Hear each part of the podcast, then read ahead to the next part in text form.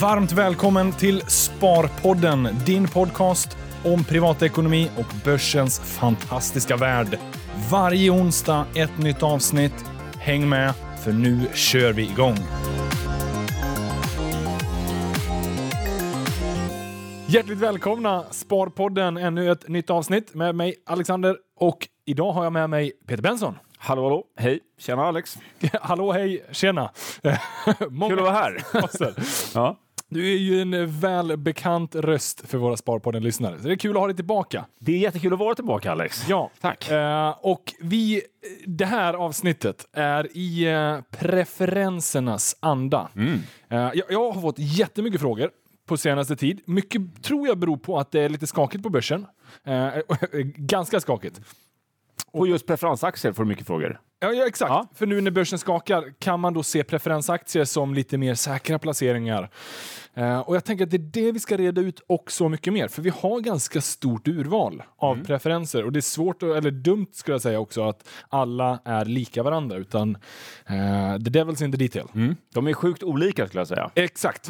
Även fast de alla heter preferensaktier i någon eh, variant. Ja. Eh, så att jag tänker att det är det vi ska försöka reda ut här. Så att eh, den inledande frågan blir ju uppenbart. Eh, what's your preference, mister? Jaha, det var ju en väldigt öppen och svår fråga. Eh, men om vi ska snacka om preferensaktier, vad är egentligen frågan Alex? Jag var tvungen att säga preference. Ja, preference, okej. Det var väl en anledning. En dålig Jag inledning. blev, jag blev lite ställd där. Eh, Men så här, preferensaktier. I ett nötskal. Det heter ju aktie, så är det en aktie? Eller vad är grejen? Det är en aktie som är ett lån som är en aktie som är ett lån skulle jag säga. Ja, men det, är, det är verkligen en sån här uh, tulipanaros som är lite både och. Det är en aktie liksom legalt och formellt och hej och hå, men, men eh, som investerare så, så vill du tänka på det här som ett lån. För du får inte den här uppsidan som du har i aktier. Ja. Eh, utan du har istället preferens, det vill säga företräde till en utdelning. Och den är fast definierad och, och eh, stiger i normalfallet aldrig. Utan den ligger fast. Du kanske då har första king på sig vid 20 kronor utdelning per år så länge den här aktien finns. Ja. För det är så jag ofta förklarar också. Eh, det är ju en aktie, så den ligger bokfört under eget kapital. Yes. Men den är ju egentligen lån, alltså externa skulder i balans. Den är ju inte det i balansräkningen, men man borde se på Ja.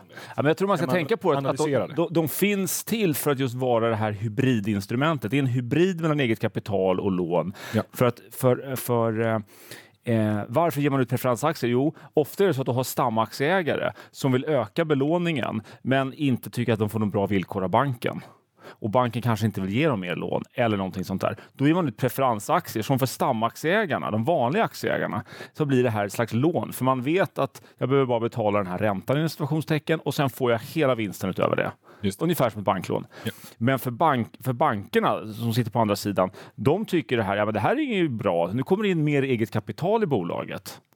Precis, så, de kan låna ännu mer. Så för banken tycker att det är eget kapital och de vanliga stamaktieägarna tycker att det är lån. Mm. Och vi som preferensaktieägare om vd, ja vad, vad tycker vi? Ja, det är ett mellanskifte. Men eh, det är så man ofta förklarar det. Ja. Alltså varför ett bolag ger ut det, det är för att stärka balansräkningen så man kan låna mer. Fattar inte banken det?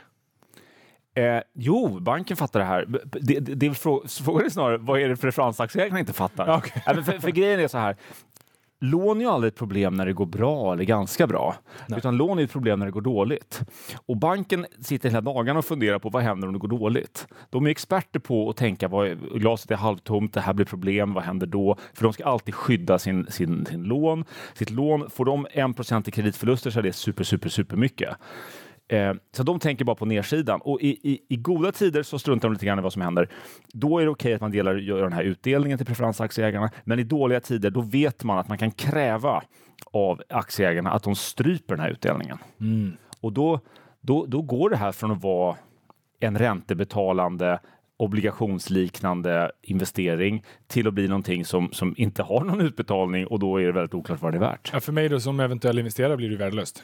Eller kan Ja, det det, ja, det kan ju bli det och du, då får du bara gå och hå- hålla tummarna och hoppas på att de återupptar utdelningen. För eh, det, det är ju delade meningar om eh, värdet av preferensaktier. Det finns ju en hel del eh, Skeptiker. Skeptiker, Ja. exakt. Eh, Benjamin Graham och Warren Buffett med flera som är eh, väldigt skeptiska. Man hör ju ofta att det är liksom sämsta av båda världar. Ja. Du, du är aktieägare eh, men får inte ta del av uppgången utan du har liksom en begränsad uppsida men om det liksom går Ja. snett så är det dig man, man stryper. Exakt, så i medgång så får du betalt som en, som en långivare och i motgång så tar du lika mycket risk som en aktieägare. Ja. Det är nidbilden av de här preferensaktierna. Och med det i bakhuvudet, för det är ju ingenting nytt. Utan Nej. preferensaktier har ju existerat till och från i historien.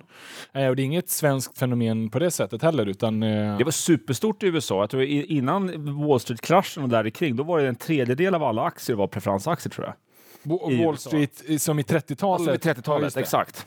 Så det var en superstor företeelse. Så nästan alla sådana här järnvägsbolag och, och energibolag och, och stora företag, de tryckte ut lite preferensaktier för säkerhets skull. Mm. Eh, och sen så, så försvann det här med tiden för att det visade sig då, man ansåg under en lång period att det här var himla dåligt. Ja. Och det kanske ligger någonting i den historien. Mm. Eh, vi, får se om vi kan återkomma till det. För jag tänker att här, det finns nog en anledning att de har vuxit fram nu. Vi har inte lågt utan också konstant fallande ränteläge, eller haft det nu i 30 år. Och det här gynnar ju klart preferensaktier. Att räntan faller, för då ser ju de här attraktiva ut. Mm. Nu vet jag inte ränteläget vad det var under 30-talet, men jag vet ju att liksom efter krigstid, då har vi haft en tillväxttid. Mm. Och då är det klart att då är det inte gynnsamt att ha preferensaktier som bara har en stående utdelning. Nej, för investeraren är det antagligen inte så gynnsamt. Nej. Eh, och, och jag tror att det är den här tjejen Tina som ligger bakom eh, There is no alternative. Exakt, förkortningen there is no alternative. Det vill säga, räntan är så låg överallt så att alla söker sig till avkastning och TINA är den här förkortningen för den jakten. Liksom. ja. Och då kommer preferensaktier in och ser himla trevliga ut med kanske en 7, säger vi, procents, Ja. då, inom situationstecken säker utdelning. ja. Och det är det vi får då försöka reda ut, om det är så trevligt. För det är, spontant så är det inte helt fel att få 7 Nej, i det är ju avkastning. fantastiskt. Eh, Men man behöver ha koll på eventuella styrkor och svagheter i den specifika. För om vi, om vi någonstans målar upp bilden av dem, jag vet inte hur många finns det nu, 40, 30? Nej, eh, drygt 30. Drygt 30. Eh, Faktum är att eh, det kom in en härom, härom veckan som heter ehm, eh, Aros Bostad, en bostadsutvecklare. Ja. Men sen försvann det faktiskt en preferensaktie och det händer inte varje dag. Och det var ju en av de mer kända, nämligen SAS Pref. Ah, De hade en preferensaktie som de gav ut när de var, var klämda vid ett tillfälle. Ja. Men den löste de in nu, för nu är de lite mer på grön kvist. Och det där är ju drömscenariot Mm. för både stamaktieägarna och preferensaktieägarna. Eh, aktieägarna. Har man ägt eh, SAS preferens, jag tror själv att jag ägt den ett, ett tag Ja, faktiskt. jag har pratat mycket om den här i podden faktiskt, Ja. ge- genom åren. Så det är nog... För den har ju varit väldigt lönsam och nu när vi har liksom ett slut på det kapitlet så kan vi verkligen summera och säga att det där gav en god avkastning. Den var ju faktiskt stigande utdelning. va? Eller var Mm. Ja, fallande? exakt. De Nej, hade- Den var stigande. Nej, de, de hade, de, de, eh, vi på Börsplus då, vi, vi har dragit igång någonting som vi kallar för Pref-guiden, som är en, en, en, eh, en liten undersida där prenumeranter kan se alla preferensaktier som finns, alla villkor, allt man egentligen behöver veta i, som en snapshot. Liksom. Eh, och då skiljer vi på eviga eh, preferensaktier som alltså har en evig löptid och sådana som sannolikt kommer lösas in. Och då kan de ju... Ri, man, ri, eh, eh, villkoren sätts i bolagsordningen. Så man läser bolagsordningen, den är sällan mer än en eller två sidor, eller kanske tre. Och man kommer åt den genom att googla. Ja, den finns alltid på hemsidorna. SAS bolagsordning. Exakt. Eniro bolagsordning. Exakt, exakt. Och bolagsordningen, den kan vara lite stolpigt skriven, men det är inte speciellt svårt egentligen. Så då har du på kanske två sidor alla villkor du behöver veta. Och då är det så att ibland så bygger de in eh, villkor, antingen att utdelningen stiger eller att inlösenpriset sjunker, som gör att man kan räkna ut att det är väldigt, väldigt gynnsamt för stamaktieägarna vid någon tidpunkt att lösa in de här. Antingen att det blir en piska eller att det blir en morot. Men att det finns ett starkt incitament för dem att lösa in de här och inte låta dem leva vidare. Och då blir de vad vi kallar då in, icke-eviga. Alltså då, då, kommer, då är det sannolikt att de kommer löpa, lösas in och de har en slags löptid. Och det var SAS var en sån Ja. lång utvikning.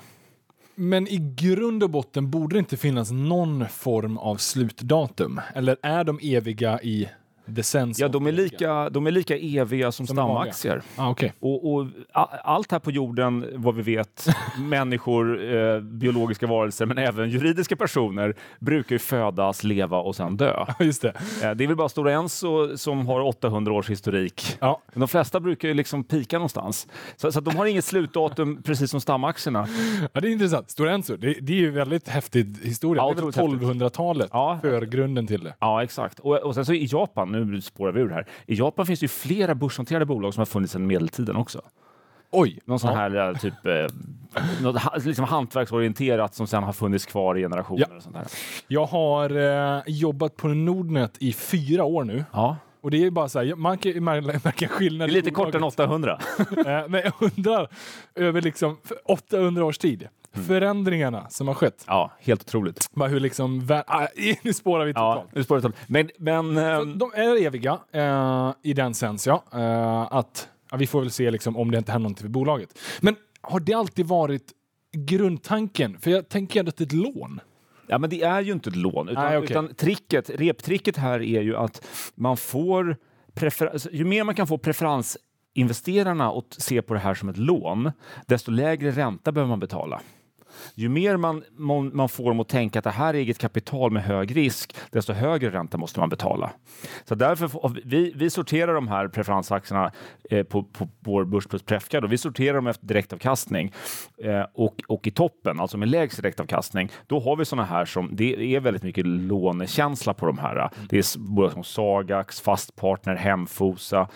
Eh, då är direktavkastningen under 6 och, och där någonstans så ligger det då en förväntan att det här ska inte vara superriskabelt. Nej.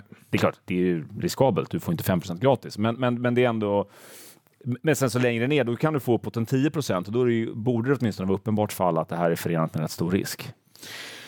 Ja, för det behöver man ha superklart för sig. Mm. Att det här är inte en säker placering, utan det här är en aktie. Eh, den kan ju fortfarande stiga Ja, och falla i ja. pris. Och, och den kan vara lika varierande i risk som en aktie, det vill säga att eh, eh, bolag, ett visst bolag har låg risk och ett annat bolag har hög risk. Och, och man kan inte säga bara för att det är en aktie så, så kan man inte uttala sig så värst mycket om eh, varken risknivå eller potential, för det är ju vansinnigt olika helt enkelt. Ja.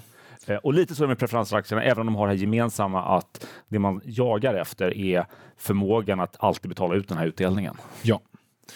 Och ja, men för, för, I slutändan det kokar ner till mig som investerare och om jag, vill, om jag ser att det finns en plats i portföljen.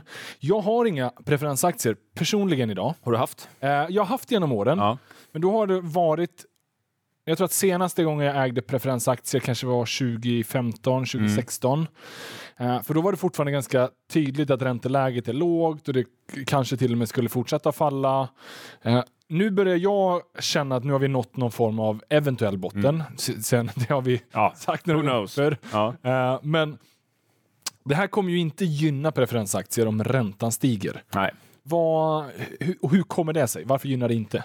Eh, eh, eh, därför att alla ränteinvesteringar ska jämföras med andra ränteinvesteringar och eh, skulle det komma ett läge där du från, på en, en statlig obligation eh, kan få säg vid 4-5 procent, då kommer det inte kännas attraktivt att stoppa in pengarna i, i ett fastighetsbolag som ger kanske 6 procent.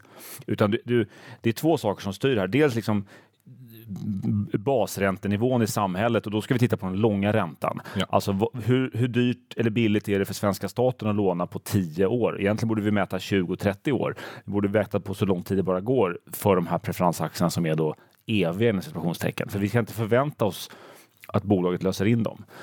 Eh, Så att hur, hur, hur låg eller hög är den långa räntan? Och, och nu är den typ ingenting, men den kan ju snabbt bli 3-4 procent. Ja. Och det är det vi ser i USA nu, att den har gått från eh, kanske neråt 2 procent och nu är den uppe klart över 3. Ja. Eller liksom håller på där runt 3.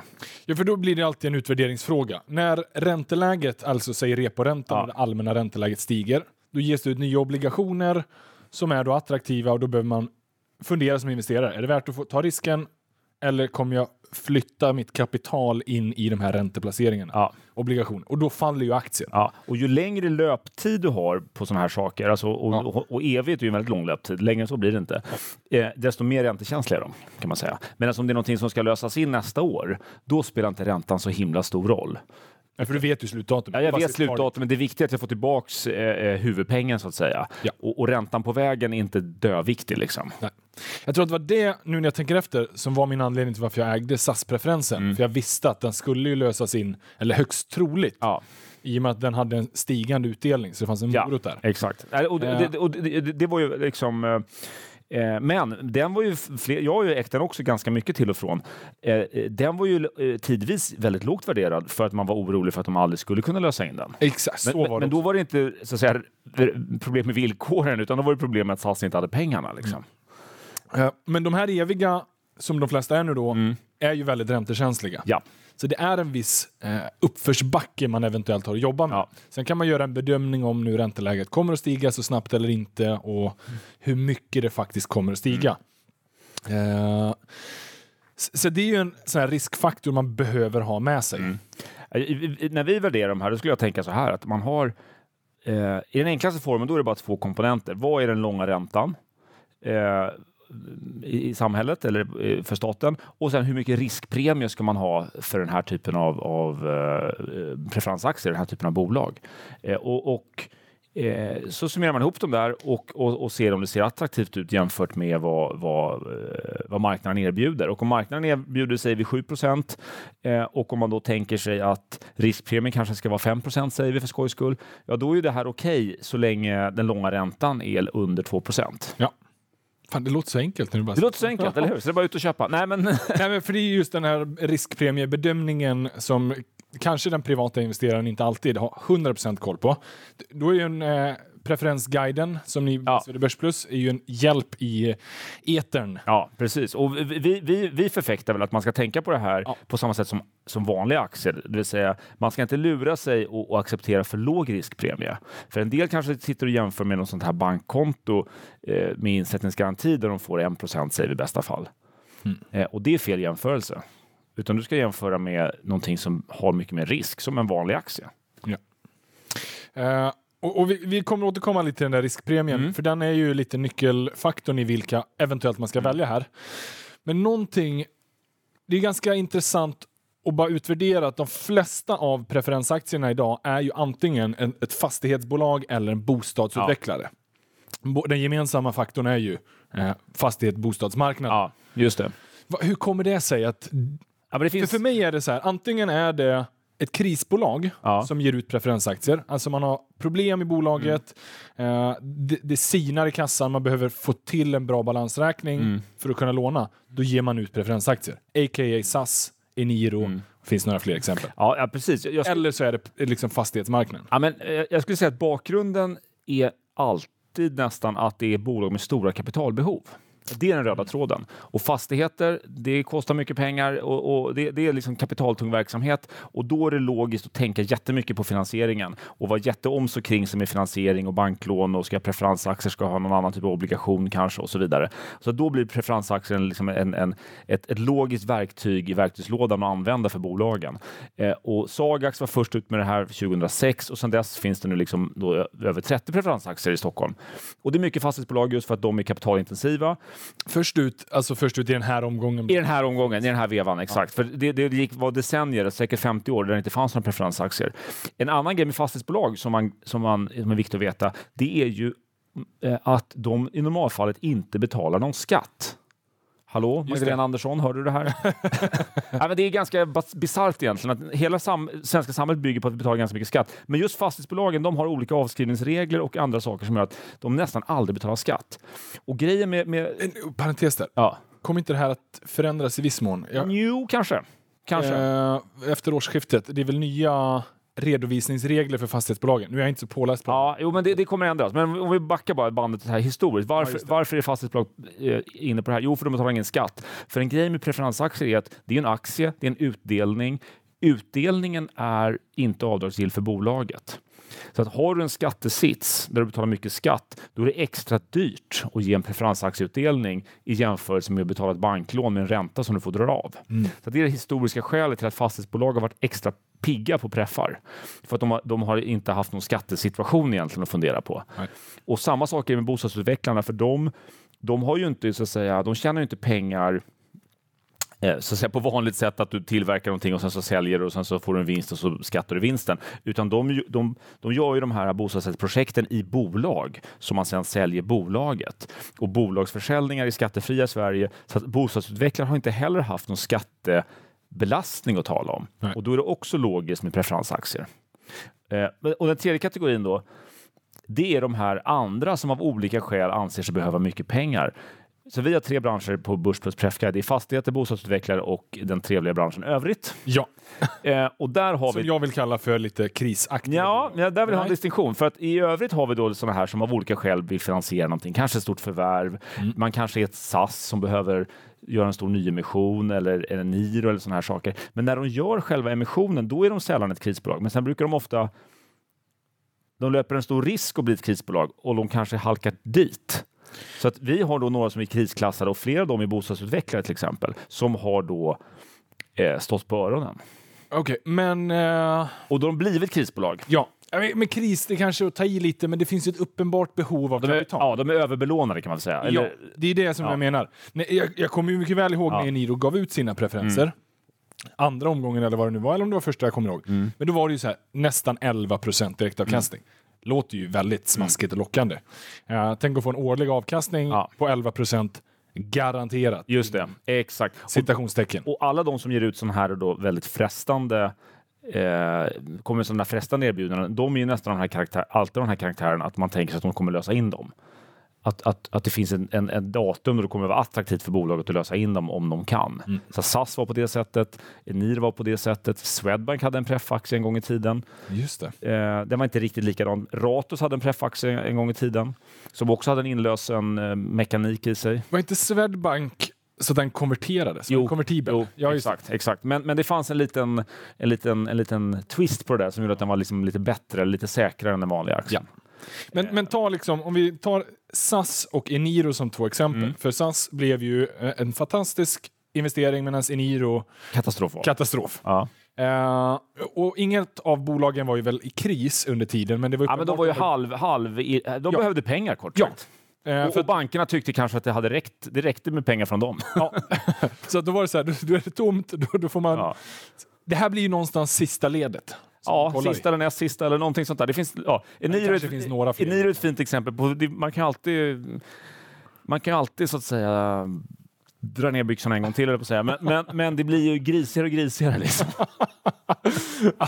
ja, eh, exakt. Och, så då, Eniro har ju ställt in sin utdelning eh, för ett bra tag sedan och då kraschar ju de här eh, instrumenten ihop fullständigt. Ja. Så, att, så att skulle Eniro återuppta sin utdelning, vilket jag är nästan helt 100 000 procent säker på att de inte kommer, då, men då skulle de i varje fall ge 50 procents direktavkastning. Det låter ju frestande. Det är väldigt frestande till dagens aktiekurs. Exakt. Eh, men det är ju om ifall att Ja. liksom, himlen Om- öppnar sig. Och, Och grisar kan flyga och massa andra saker. ja, eh, så det är den extrema inneboende risken som man kanske missar när man... Eh, eller man missar inte det, men man är nog ganska medveten om Man underskattar den kanske. Ja, man underskattar den. Ja, och, och, och, och köper man de här så har man åtminstone trott att man har gjort en analys om att det här inte är så farligt i varje fall. Ja. Men eh, det är klart att det finns, nu har vi pratat väldigt mycket om nedsidan Mm. och den potentiella risken. Det är för att uppsidan är så tråkig, man vet ju precis vad man får. Ja, den är ju det. Du, du får en utdelning, men det som är lite frestande, det är klart att det är ju eh, en ganska god direktavkastning. Eh, du, du har ju några från 5-6 procent och sen en del som är fortfarande i relativ bra zon upp till en 7-8. Eh, och du får den ofta kvartalsvis, vilket är också lite lockande. Eh, och du kan ju, om du vill vara lite eh, kreativ, bygga en portfölj där du i princip kan få månadsvis genom att ha ett gäng olika preferensaktier som har olika kvartalsskiften. Och det här är väldigt populärt idag, att bygga sin lilla kassaportfölj Just det. som eh, spottar ut lite pengar varje månad. Och, och jag säger inte att eh, det är fel att ha preferensaktier Nej, i det nej, nej. syftet, Absolut utan eh, det kan ju finnas för den som vill ha den här typen av liksom, Mm. stabilt kassaflöde till portföljen. Absolut. Och tittar man i ägarlistorna så är det ju Tittar man på lite större ägare i preferensaktier, då är det ju ganska mycket sådana här stiftelser, eh, små institutioner, eh, ganska ofta sådana här som kanske inte har en jättestor stab av förvaltare och analytiker och sådär, utan de kanske bara är en liten kommitté och så, så eh, ganska ofta har de liksom krav på sig att ja, vi, måste, vi måste avkasta 5% liksom, i medgång och motgång för vi vill ge ut något stipendium eller ja, någonting precis. sånt där. Och då är det ju väldigt frestande med de här då inom situationstecken säkra papperna. Liksom. Ja. En annan, några andra som gillar de här eh, har ju varit hedgefonder. För att hedgefonder, eh, de premieras ju på stabilitet. Just det. Så att, så att eh, om du är hedgefond och, och, trycker in pengar i det här, så länge det går någorlunda för de här bolagen så kommer du få då säger vi 7 mm. och, och det kommer ju i hedgefondvärlden se ut som att du är ett geni.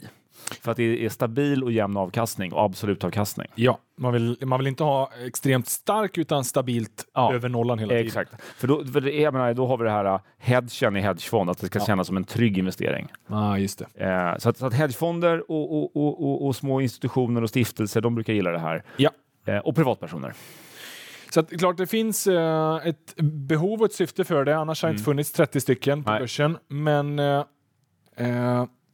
uh, alltså, jag har dem inte personligen i min portfölj av motiveringen att jag är inte så beroende av det där stabila kassaflödet till min portfölj. Och, och, jag ser ändå högre potential att äga stamaktier. På lång sikt är det uppenbart. Men du har ju ingen vinsttillväxt mm. i, i en preferens. Utan vill du vara med på bolagets resa, då är det stamaktierna du behöver äga. Ja, men det är lite det här. Säg att du har gjort världens bästa eh, analys av ett bolag eh, och det bästa du kan få är 6% avkastning ganska snopet. Det känns ganska snopet. så, så, så, så det, det, är väl lite det som gör att preferensaktier är på något sätt den här liksom, liten parkeringsplats, en, en, liten, en, liten, ett litet skyddat hörn där du kanske känner dig någorlunda Eh, du behöver inte fundera så mycket varje kvartal för hur det går för de här bolagen, utan det tuffar på. Liksom. Ja. Det man behöver utvärdera när man analyserar dem är ju vad, vad, skuldsättningen, hur ja. belåningsvärdet, ja. den eh, kan jag tycka är ganska viktig och den belyser ni också. Ja. Alltså hur mycket av totala eh, bolagsvärdet eller börsvärdet, eller eh, EV kollar ni på? Va? Ja, precis. Och det blir alltså börsvärde plus nettoskulden. Ja. Eh, och, eh, det här är lite ett egen påhittat nyckeltal som vi kallar då för belåningsvärde inom situationstecken. Eh, och där vi då tittar på börsvärdet för stamaktierna och sen så nettoskulden och sen så preferensaktiernas kapital. De tre är liksom eh, eh, eh, bolagsvärdet, alltså hur mycket värderas det här bolaget till om man frågar alla olika intressenter, det vill säga banken, preferensaktieägarna och aktieägarna och frågar vad tycker ni att det här bolaget är värt? Ja. Då är det det här som är värdet. Och, så, och då, hur mycket av den belåningen, eller hur mycket av det värdet är belånat eh, sett ur ehm, eh, stamaktieägarnas synpunkt, alltså inklusive skulder inklusive preferensaktier. Hur mycket belåning har man tryckt upp här? Liksom? Mm. Är du med? Ja, absolut. Så det är en liksom förfining av det klassiska Enterprise Value? Ja, det kan du säga. Du, du, Eller det är, det är samma som Enterprise Value? Det är samma som Enterprise Value, fast, fast, fast, fast du kollar på hur mycket är det belånat. Ja. Eh, och då, då har vi liksom siffror på att eh, en högt belånat kanske är så 70 procent, ja. vilket är ganska högt belånat. Fastigheten normalt sett nu för tiden brukar man belåna kanske till 50 procent och så har många då lite preferenskapital ovanpå det där, så då kanske de är uppe i 70. Och då kan man tänka som preferensaktieägare att, att eh, faller värdena ner mot eh, från 100 ner till 70, då börjar vi sitta riktigt illa till. Mm. Faller de 10 procent, då är vi nog ganska okej. Okay. Ja. Faller de 20 procent, då börjar man behöva fundera lite på saker och ting. Eh, men faller de under mer än 30 procent, då är vi riktigt illa ute. Just det.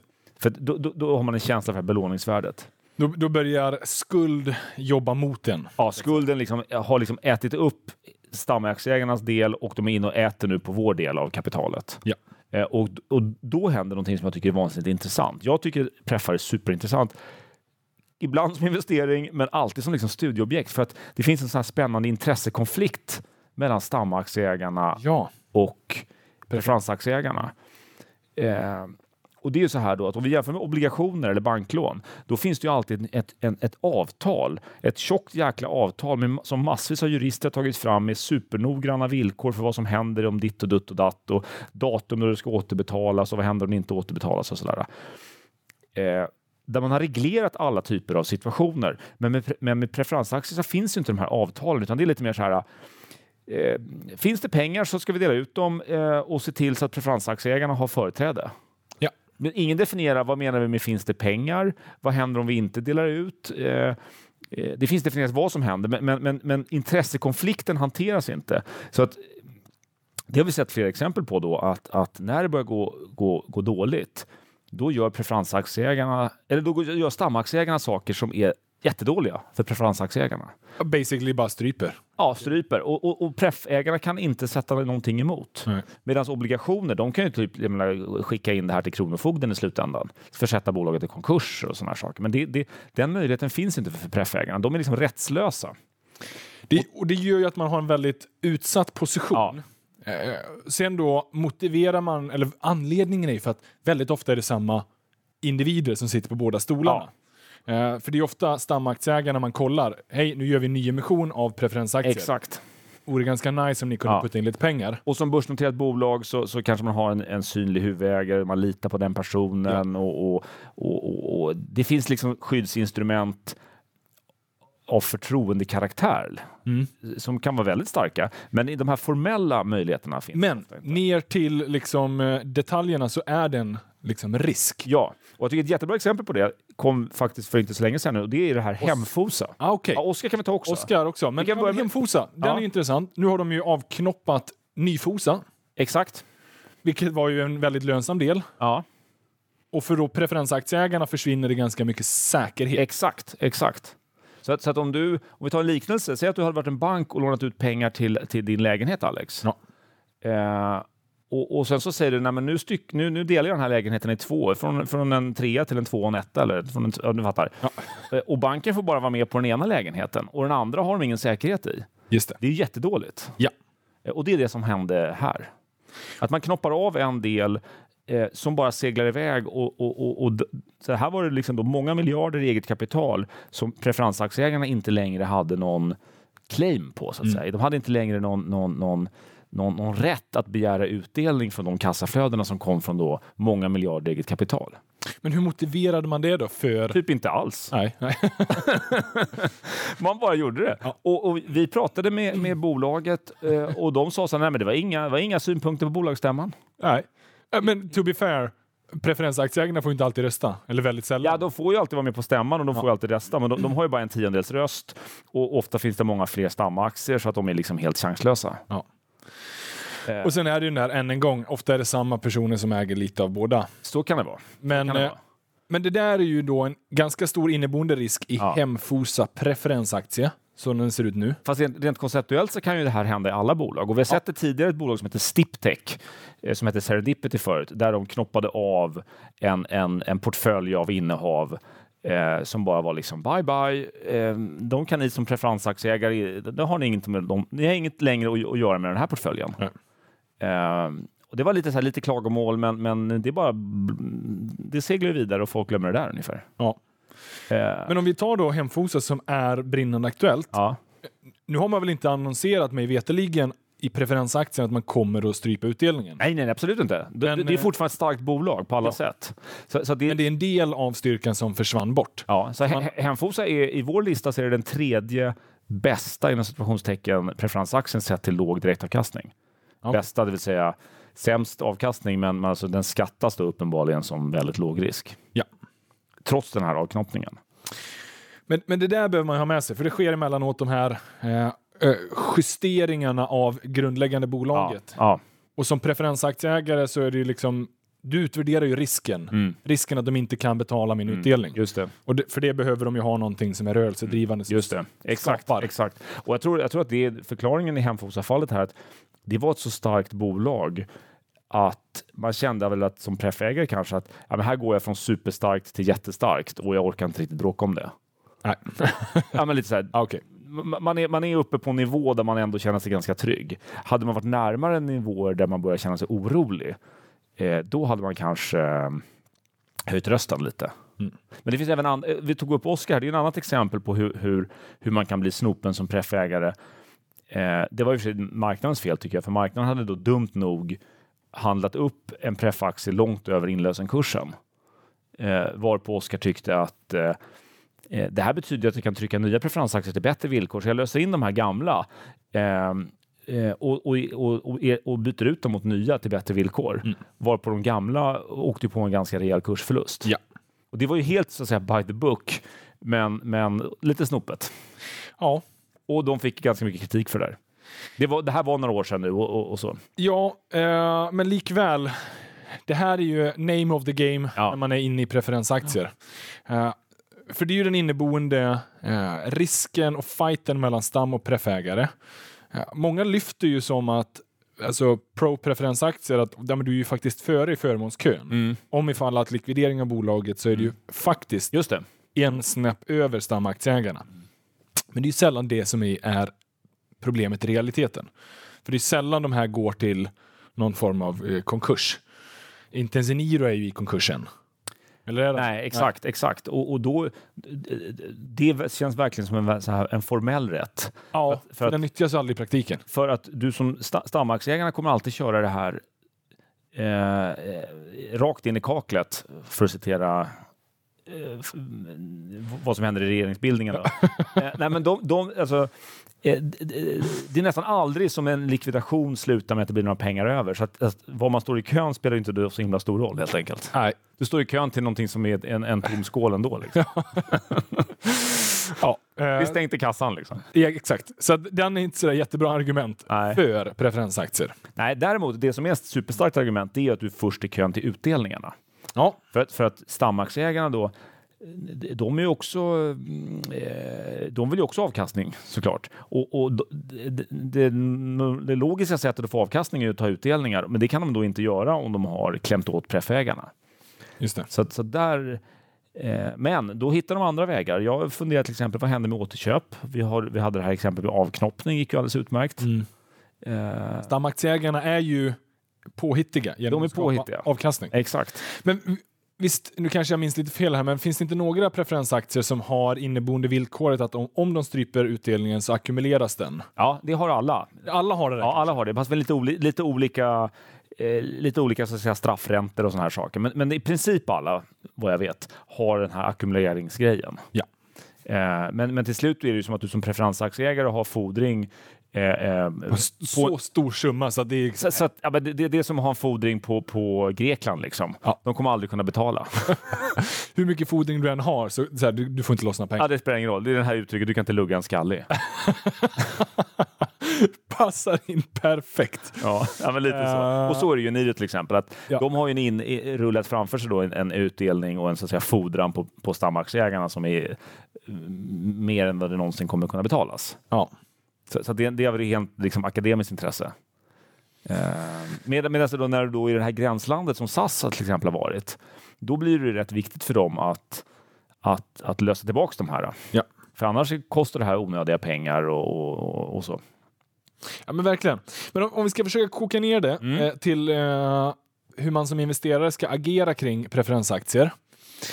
Going forward, 2019 och framåt. Mm. Vi har lite eh, halvdyster eh, utblick. Ja. Kolla liksom makroekonomiska pendeldrag. Så är det klart att så här, börsen tycks ju gå in i någon form av lite eh, lågkonjunktursläge. Då, då attraheras man ju av den här lite stabila utdelningen. Men stigande räntor eh, och, och ha koll på riskpremierna. Många är ju kopplade till bostadsmarknaden, alltså bostadsutvecklarna. Där har vi också någon form av inneboende risk. Vi har haft en bobubbla, höga priser i förhållande till disponibel inkomst. Eh, är jag inne på liksom rätt spår för att tänka risker? Ja, nej, men jag, jag, ty jag tycker liksom det är viktigare än någonsin, som man brukar säga, att tänka på risker. Nej, men det är alltid viktigt med risker. Men, men, men här, nu händer det grejer, märker man. Ja. Vi har till exempel Oscar Properties som är ett bra exempel, som är i tidningen varje dag, olika saker. Och, stamaktien har kraschat fullständigt. Där har preferensaktierna havererat också. Så här ligger liksom en förväntan om att det är en hög risk Ja. för att man ställer in utdelningarna. Men de betalar dem fortfarande. Så här står det och väger. Eh, och här ska man inte titta för mycket på direktavkastningen i procent utan fundera mycket mer på risken att de ställer in utdelningen Ja. och göra en bedömning kring det. Inte bara lockas av att oj, oj, oj, här ser det ut som man kan få över 10 procent. Ja. För det är liksom inte riktigt det, det du får, utan antingen får du mycket mer än 10 procent när den återhämtar sig till normal nivå, eller så får du ingenting för att de ställer in. Så att, så att när, när direktavkastningen blir hög, då är det inte den du ska titta på, utan då ska du snarare fundera på hur stor är risken för default eh, då är jag nere på kanske i värsta fall noll. Eh, och hur stor är chansen att de, att de reder upp det här? Och då kommer jag tillbaka till en, en, en normal, lite lägre då, direktavkastning. Och då kommer jag få göra en vinst som är mycket, mycket mer än de här 10 procenten. Mm. det jag tolkar av det där är ju att så här, kanske till och med börja blicka mer mot fastighets preffarna, mm. om man nu vill ha preferensaktier, ja. var lite försiktig med bostadsutvecklarna. För Mycket de, försiktig skulle jag säga. För de, för de är ju så beroende av hur bostadsmarknaden ja, rör sig. Just det. Fastighetspreffarna, mycket kommersiella fastigheter, inte så jättepåverkade Nej. av den eventuella bostadsbubbla just som vi har. Just det. Ja, men jag, skulle tänka, jag skulle tänka så här att, att eh, när preferensaktierna tryckts ner en del så att direktavkastningen är hög, då är de inte längre preferensaktier Nej. rent konceptuellt. Alltså för då har de en uppsida som är mycket mer än de här procenten. Då kanske uppsidan är 40-50 procent. Jag tror till exempel att uppsidan i Oscars prop Properties eh, preferensaktie, den vanliga, den kan vara 100 procent alltså. Mm. För att nu handlas den till 16 procents direktavkastning. Det normala för ett sånt här bolag kanske är 7,5. Mm. Så det, är, det är alltså en dubbling om de... Av aktiepriset i preferensen? Exakt. Om de rider ur den här krisen, då är det en dubblare. Så att det här är en högrisk vanlig aktie, mm. även om det står pre preferens på paketet så att säga. Ja. så ska man tänka på det som en, som en, en vanlig högriskaktie. Ja. Så det kan, det, det, det, det, kan vara en bra investering, men tänk inte på det som någon slags... Eh, safe. Safe, exakt. Nej, det är allt annat än safe. Så, så, att, så att det tycker jag är takeaway här. Att, ja. att eh, eh, har du en låg direktavkastning, då är det en preferensaktie. Har du en hög direktavkastning, då är det inte längre en preferensaktie, utan då, tar du en, en, en, en, då är det en helt annan karaktär på det här djuret. Mm. Och det är tillbaka till den här hybridgrejen. Att det här är en hybrid som i vissas ögon är eget kapital, i andras ögon är lånat kapital och det där kan ändras lite med tiden. Ja, ja men för man kokar ner det till någonting så vill du ha trygghet och säkerhet mm. Ja, det vill jag. Ja, men det vill, det vill de flesta. det vill de flesta. Uh, men då är kanske inte ens, här, preferensaktier är inte uh, lika med tecken trygghet, utan då är det räntefonder du ska placera pengarna i. Utan eh, preferensaktierna har en plats i portföljen för dig då som vill söka lite kassaflöde, lite mer stabilare om vi kollar på en del av mm. dem, långt ifrån alla. Eh, om vi nu då förutsätter att börsen och stamaktier har en liten medioker utblick. Mm. Men det är samma där, även om börsen nu går in i någon lågkonjunktur eller ekonomin går in i lågkonjunktur det kommer fortfarande finnas vinnare mm. bland förlorarna. Uh, jag vet inte riktigt vad jag försöker säga. Men vi får eller jag får jättemycket frågor på preferensaktier. Uh, och jag är inte negativ mot dem eller liksom så här förkasta dem helt. Mm. Men man behöver verkligen vara duktig på att plocka ut några och sen då det är en del av ens total, mm. totala portfölj och man behöver reflektera över varför jag vill ha dem. Ja, jag skulle tänka på den som, som, som det är inte låg risk med, med, med, med stor bokstav så att säga, men, men, det är lägre risk än många stamaktier. Mm. Eh, och eh, antingen ska man ha något tydligt case runt varför man äger dem, eller så kanske man ska ha en liten portfölj och i sådana fall välja bland de här som ligger runt 6 procent. Eh, och, och, och, och, vara extra försiktig om man tassar neråt där, där direktavkastningen är uppåt en 8, för då, då är det förknippat med att det är en hygglig risk här. Ja.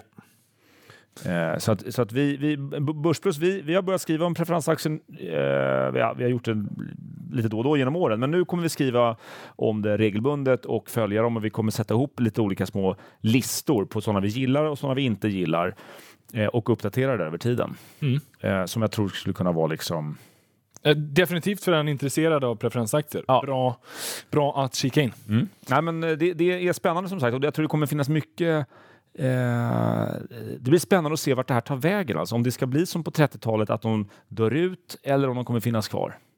Ja. En del av dem lär ju garanterat ut. Absolut, men det kommer nya också. det kommer nya också. Ja. Peter, jag tror att vi har vridit och vänt på varenda sten som finns gällande preferensaktier. Ja, och det, hittar vi fler så får vi vrida på dem en annan, en annan gång. Du, kanske. det tycker jag yes. definitivt. Eh, och skicka med till er eh, lyssnare att eh, Diskutera preferensaktier. Hör de hemma i era portföljer eller förkastar ni dem? Eh, få gärna igång diskussionerna lite, så hjälper vi varandra. Och sen då SvD Börs Plus. Ni har ju en pref-guide om man är prenumerant på SvD Börs Plus. Just det. Så eh, är det här av extra intresse så kolla in det där. Annars så tror jag att eh, det här var det bästa medskicket vi kunde göra för alla er då som är sugna på lite preferensaktier. Mm. Men också bra för er som ändå inte tänker investera i dem, att ha mm. koll på dem. Eh, för det kan ändå finnas lite guldkorn här och var. Ja, och det, det är ett fenomen som, som har blivit rätt stort och, och eh, inte minst kring de här bolagen som har rätt stort om man säger, nyhetsvärde som är lite kul att följa in, i, i, i flödet. Jag menar, SAS är spännande, Ja. Eniro är spännande, fastighetsbolagen är spännande, bostadsutvecklare är spännande. Som de, ofta när det är de här spännande bolagen, oaktat investeringscasen, så, så, så då brukar det ploppa upp lite preferensaktier. Yes, Och det, det säger ju någonting det gör det. om... ehm, ja, det, är, det är lite spänningsmoment också. Även om avkastningen inte är så spännande. Eh, nej, exakt. Um, ska vi börja filosofera nu om spänningar? Och nej, nej, nej, nej, nej, nej. Eh, Peter, eh, jag tror att vi har hållit på ett litet tag. Eh, hoppas att ni lyssnare har fått med er lite mer kunskap om preffaktier. Och sen så får vi väl se vad börsen 2019 bjuder på. Det gör vi. Om vi har rätt eller om vi har fel. Mm. Om det går upp eller om det går ner. Någonting, ja, det, det kommer bli något av dem. Peter, stort tack att du är tillbaka och eh, ni kommer få höra Peter eh, fler gånger framöver. Kul. Tack Alex. Tack så mycket och lycka till med investeringarna så vet ni att vi hörs igen nästa vecka. Simma lugnt.